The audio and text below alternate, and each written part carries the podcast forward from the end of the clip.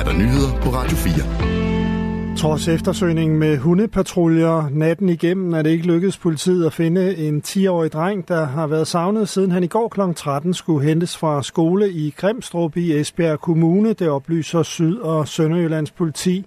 Fra en vagtchef lød det kort før midnat, at drengen ikke var mødt op, da han skulle hente sig en taxabus. Der er ikke mistanke om, at der er sket noget kriminelt, oplyste vagtchefen.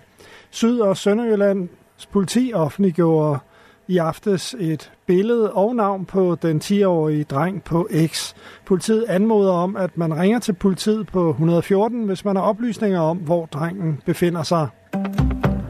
Anonym sæddonation eksisterer ifølge professor ikke længere på grund af gentest. Det skriver politikken. Sara Birk Becker fortæller. Anonym sæddonation har i mange år gjort det muligt for mænd at donere sæd til sædbanker og hospitaler med vidsthed om, at donorbørn og familier ikke vil kunne finde frem til dem på et senere tidspunkt. Men det sætter moderne hjemmetest en stopper for. Det siger Mikkel Heide Schiup, der er professor i bioinformatik ved Institut for Molekylær Biologi og Genetik ved Aarhus Universitet. Med den teknologiske udvikling og med den lette tilgængelighed har DNA hjemmetest og diverse genetiske databaser de facto afskaffet muligheden for at sikre anonymitet for sæddonorer, siger han til politikken. Ved hjælp af tjenester som MyHeritage, 23andMe og Ancestry kan alle og enhver, og altså også donorbørn, indsende et mundskrab med DNA-materiale til virksomhederne. Her sammenlignes DNA'en med de mange millioner af brugere, som allerede har indsendt data. Og har en bruger, som er i familie med sæddonoren, sendt sin egen DNA ind, ja, så vil donorbarnet få et match. Tjenesterne giver derefter et bud på, hvilken familiær relation der kan være tale om, og derfra er det via sociale medier ofte ikke svært at finde frem til donoren.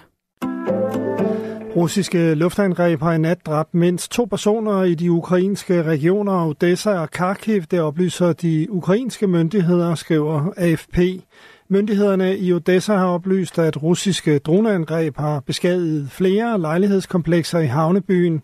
Bystyret i nordøstlige Kharkiv oplyser, at et droneangreb har ødelagt flere køretøjer og beboelsesejendomme. De dødelige angreb kom, mens luftsirener var i gang i flere regioner i det østlige Ukraine. Ifølge opgørelser fra FN har krigen kostet mindst 10.000 civile livet i Ukraine.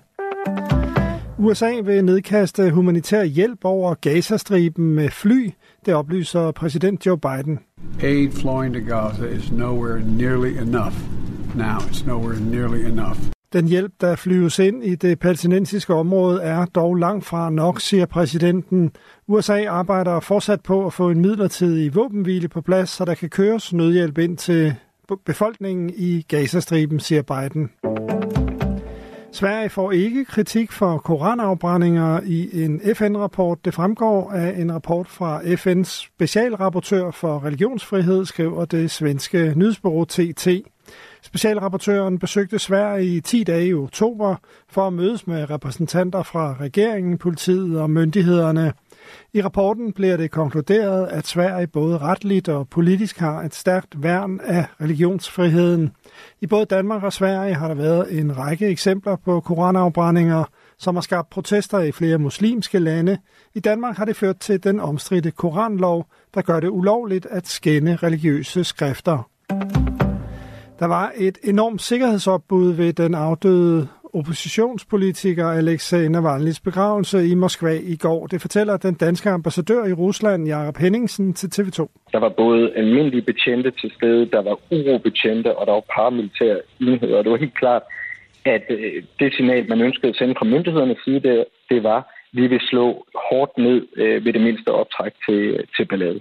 Navalny, der tidligere er blevet kaldt Putins værste fjende, blev 47 år. Tusindvis af støtter var mødt op foran den kirke, hvor ceremonien fandt sted for at vise deres støtte til den afdøde politiker. Danmarks ambassadør hilste på mange af de fremmødte russere. Og de var virkelig glade for, at vi var der. Øh, de takkede os, og de sagde, at det, det betød meget for dem moralsk øh, at høre andet end russisk i den kø, der var til at komme ind til begravelsen. Russisk politi har anholdt mindst 131 efter begravelsen, oplyser OVD Info.